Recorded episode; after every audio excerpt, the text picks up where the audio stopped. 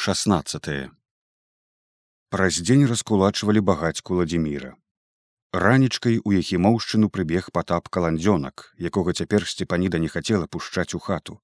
І ён быццам адчуваў гэта пастукаў у акно і празвягаў лявонаў загад прыйсці на раскулачванне. Яна сказала яму і сабе скульля і не пайшла. Няхай раскулачваюць без яе.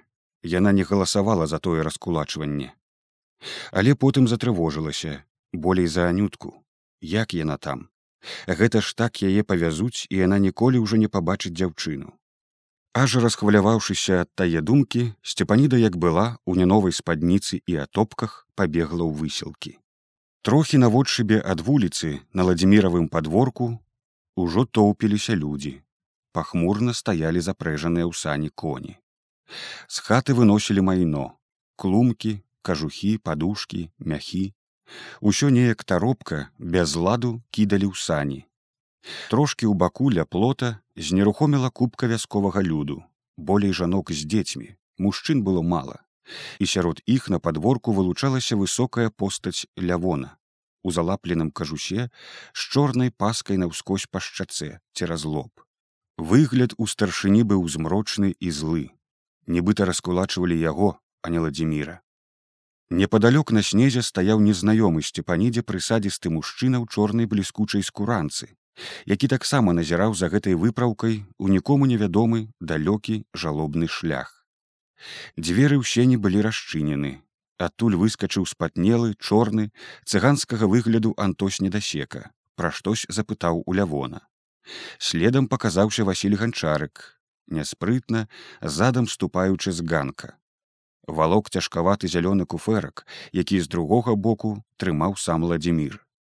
Згледзеўшы той куферак, сцепаніда міжволі ахнула. То ж быў анюцін пасаг, з якім дзяўчо нядаўна яшчэ збіралася замуж. Неяк зімой паказвала сцепанідзе, што там было нарыхтавана. Цяпер гэты рыштунак сам ганчарык выпраўляў немаведама куды, на салаўкі, у сібір, хто ведае. Сцепаніда глыкнула даўкі ком у горле, з усяе моцы памкнулася стрымаць слёзы. Зрэшты тое было нялёгка. Некаторыя бабы ўжо плакалі, ціхмана хліпаючы насамі, выціраючы рукавамі вочы. А малая барысава маня ўсё тузала маці запалу кажушка і пытала: « Мама, а куды гэта яны? І я хачу ў сані. Лізавета крыкнула на дачку раз і другі, ды малая не сціхала, і тады старая малання што стаяла побач з кіём у руках мовіла з нейкім благім намёкам. Чакай дачушка вырасцеш паедзеш яшчэ Васіль з ладзімірам уладкавалі куферак на сані ладзімир пачаў прывязваць яго даўгой вяроўчынай. А ганчарык выпрастаўся і сцепаніда не пазнала ягоны твар. Такі спакутаваны выраз ляжаў на ім зусім не падобны на яго ранейшага прослядите за тем как укладываются подкрэсліваючы інтанацыяй кожнае слово загадаў яму незнаёмы ў скуранцы мабыць упаўнаважаны з раёна под вашу лічную ответственность Ён стаяў на двары асобна ад іншых засунуўшы руки ў кішані скуранкі і ваша моўчкі кіўнуў пайшоў у хату ладзіміра гэта ж трэба разгублена думала сцепаніда сам нявесту сваю хаця мабыць ужо не нявеста яна хацела пабачыць анютку баялася гэтай сустрэчы і не магла абысціся без яе бо ведала што ім больш не пабачыцца але анюта ўсё не выходзіла з хаты мабыць нешта яшчэ збірала і сцепаніда наважылася рушыла цераз двор у сені толькі яна ступіла на ганак як той у скуранцы вызверыўся. Эй куда нельзя. Чаго нельзя сказал. Пайшоў ты на сухі лес адказала яна ў думках і пыхнуўшы нутраной злосцю рашуча ступіла ў сене ганчарык возвраці пастаронніх данеслася ззаду ганчарык у хаце аднак не адазваўся хаця дзверы былі ўсюды расчынены насцеж і ў іх стала відаць абадраная нібы абрабаваная ладзімірова хата голыя сцены засмечаная і заследжаная падлога бязладна рассунутыя лаўкі. Пасярод пустой горніцы на голым услоне патупіўшыся плакала анютка. І ганчарык нерашуча кранаючы яе за плячо прасіў асіплым чужым голасам. Ну ціха. Ну ціха. Ну што ж цяпер? Сцепаніда апанурана пераступіла парог раптам адчуўшы як штосьці ў ёй нібы абарвалася і новая непадуладная ёй сіла ахапіла яе разварушаныя за тыя дні пачуцці. Анютка анютка падхапілася на ўслоне а сцепаніда ўпала побач абняла дзяўчыну і захлынулася ў кароткім быенк плачы калі здавалася не стрывае разарвецца сэрца з даверлівай пакораю дзяўчына прыпала да яе ўсім сваім трапяткім целам нібы да маці якую некалі страціла ў дзяцінстве. Абдымаючы яе за плечы сцепаніда гладзіла яе вузкую ў плюшавай жакетцы спіну сама абліваючыся слязьмі праз іх нічога не бачачы навакол. Аднекуль здаля да яе слыху даляцеў вокрык упаўнаважанага.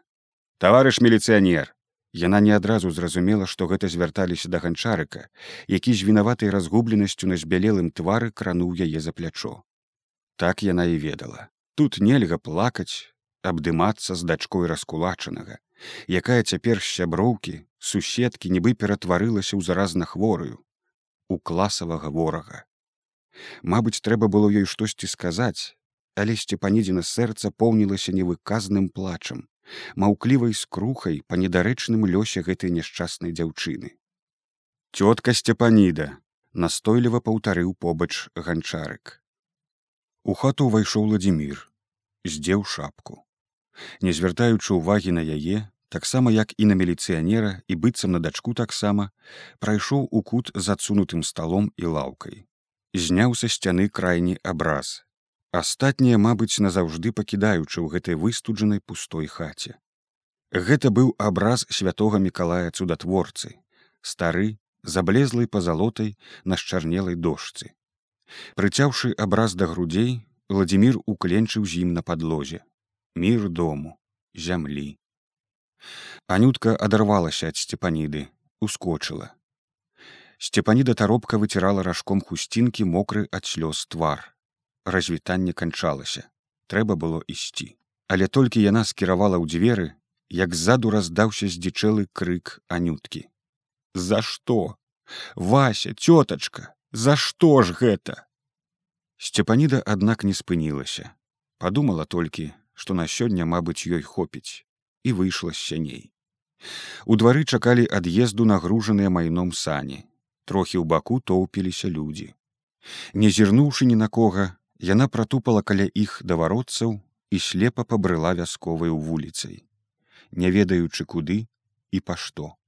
Ужо далёка адышоўшыся ад владимировага падворка, заўважыла, што ідзе не ў яхімоўшчыну.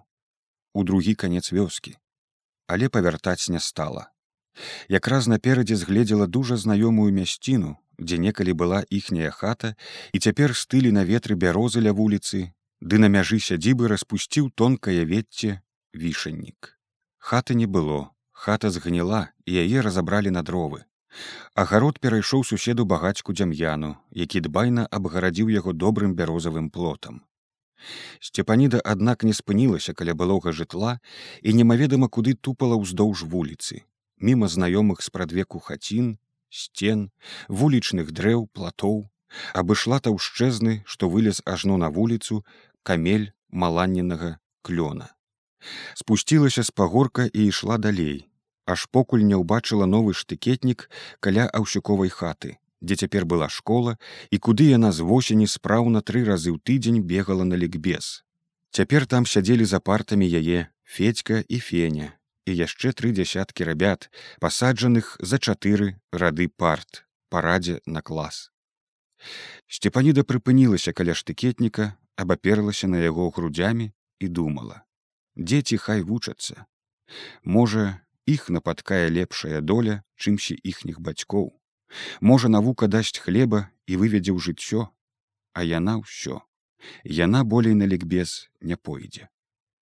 Пасля ад'езду анюткі яна ўжо не магла сядзець за той партай без яе. Не магла пераступіць той парог школы дзе ўжо ніколі не будзе яе Гэта ж анютка ўгаварыла яе пайсці на лікбез, казала сорамна быць непісьменным, калі ўсе ў краіне вучацца малыя і старыя. Сама яна так старалася, так шчыравала з навукай. І цяпер сцепанідзе стала зразумела чаму. Ганчарык жа быў грамацей, перад службай скончыў чатыры класы ў мястэчку. Як жа было ёй адстаць ад яго. Маладзейшай падлеткам не было як вучыцца, У 16 год стала за гаспадыню ў хаце, як памерла ад сухотаў маці. Бацька не ажаніўся болей, а блізняты браты Антіп з Андрэем нешта бавілі час, прыглядаліся, ды вагаліся. Цяпер ужо не пажэняцца. Калі ў школе раптам выбухнуў радасны дзіцячы розгалас, яна зразумела, што дастаялася да перапынку і адарвалася ад штыкетніку. Трохі яна паспакайнела, сабралася з думкамі, але мусіць далей тут стаяць было нягожа і яна паволі паплялася па вуліцы назад. Захацела пабачыць лявона. Здавалася лявон ведае нешта такое чаго не ведае яна нешта скажа можа суцешыць. У сельсавецкай палавіне было аднак пуста і стаяў слупам пыл. Гэта патап каландзёнак шкрэбаў па затаптанай невядома калі мытай падлозе тонкім гальнём. І яна стала ў парозе. Лявон хіба не прыходзіў Не, не прыходзіў. Абыякавы да яе, каландзёнак усё драў гальнём падлогу, горнучы ў парог смецця і пясок. І яна ўбачыла на ягоных заўжды сінелых босых нагах неблагія яшчэ, хоць і паношаныя боты. Але гэтыя боты былі не лявонавы. Што боты зарабіў, спытала яна з тайным здзекам у тоне. Рэквізаваныя, буркнуў патап, ваўкавата зіркнуўшы на яе праз узняты з падлогі пыл. Старайся, паршывец, сказала яна і выйшла на вуліцу. Яна ішла ўздоўж плота і думала, што во жывеш чалавек, яшчэ малады, а ўжо граматны, нават праз меру скончыў тры ці чатыры класы і ўсё рабіў быццам бы правільна, а нічога апроч крыўды і нянавісці да сябе не выклікаў у вяскоўцаў. Напісаў у газету. І ўсё тое само па сабе было таксама правільна. А чым яно абярнулася для людзей? Яна не мела яшчэ слоў у галаве каб сказаць яму ўсё што адчувала. Але было пэўна што адчувала адну толькі брыду да гэтага маўклівага пераростка які сваёю ўвішнасцю нарабіў такога што хіба сам не разумее чаго Гэты не зміцер. На зміцера зірнеш і адразу відаць, што ён табе можа зараз зрабіць. А што заўтра зробіць гэты маўчун, таго не ўзнаеш. Цяпер ёй успомнілася, што дзеці ў вёсцы ніколі не гулялі з ім у свае дзіцячыя гульні. І хоць быў ён не злы і нікога не крыўдзіў, яны абміналі яго стараной. Заўжды ён быў сам па сабе, адзін, ці ў вёсцы, ці па дарозе ў школу, ці каля статка ў полі падросшы пачаў гарнуцца да тлумных клопатаў і спраў дарослых. Бывала не прапускаў ні аднаго сходу. Зранку да позняй ночы тырчэў у сельсавеце слухаў маўчаў. Што думаў толькі? Мабыць і надумаў. Каб ты спруцянеў нячысцік са злосцю падумала сцепаніда Яна ўжо мінала апошнія хаты высілак Ужо відаць стаў сіратліва апусцелы ладзіміраў падворак з расчыненымі насцяж веснічкамі, як недзе за ганчарыкавай хатай здалося да неба ўзвіўся вар'яцкі жаночы крык. Яна аж скаланулася ад гэтага крыку і спынілася пасярод вуліцы. Якраз у той момант з-за рога хаты выбегла расхрыстаная ульяна, Васілёва маці. Яна здзічэла крычала адно толькі: «Люцы, люцы! І роспач набіла кулакамі ў свае пляскатыя грудзі. Убачыўшы сцепаніду кінулася да яе, усё лямантуючы і крычучы нешта, чаго сцепаніда зразумець не магла, хоць і ведала пэўна, што сталася нешта страшнае. Праз плач і лямант ульяна паказвала на хату, у голыя вокны з тоўста намёрзлым лёдам на шыбах.